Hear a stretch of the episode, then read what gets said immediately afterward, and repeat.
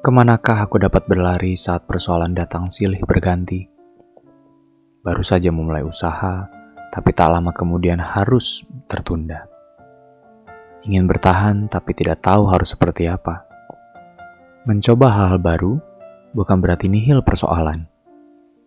Perlu dana, perlu daya, yang belum tentu ada di depan mata dan tersimpan di dalam raga. Di manakah aku harus berdiri saat orang-orang masih bertindak sesuka hati, apalagi di situasi pandemi ini? Semua protokol dijebol, segala anjuran hanya menjadi cibiran. Sedihnya, ajakan hidup sehat hanya menjadi pepesan belaka.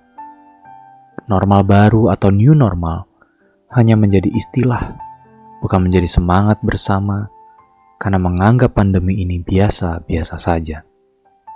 Tidak ada hormat, tidak ada penghargaan antar sesama, padahal nyawa jadi ancamannya. Yang kuat bertahan pada pikiran dan kenyamanannya sendiri, yang lemah tertindas oleh sikap semena-mena orang lain terhadapnya. Segalanya menjadi salah arah, bahkan patah arah. Lantas, bagaimanakah aku dapat melewati semua ini? Mungkinkah tetap tegar dan teguh?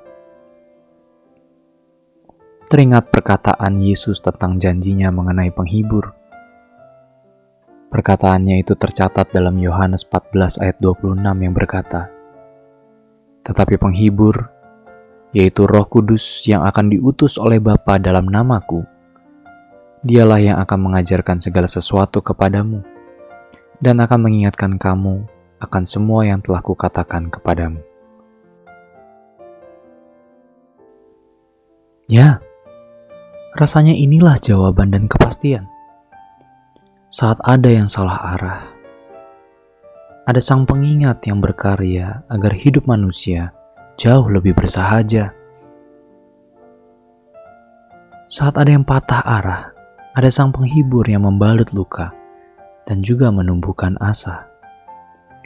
Roh Kudus itu mengingatkan agar kita tetap patuh pada hal yang baik dan yang benar segala protokol dijalani, new normal dihidupi, agar semua itu tidak membawa kita pada arah yang salah.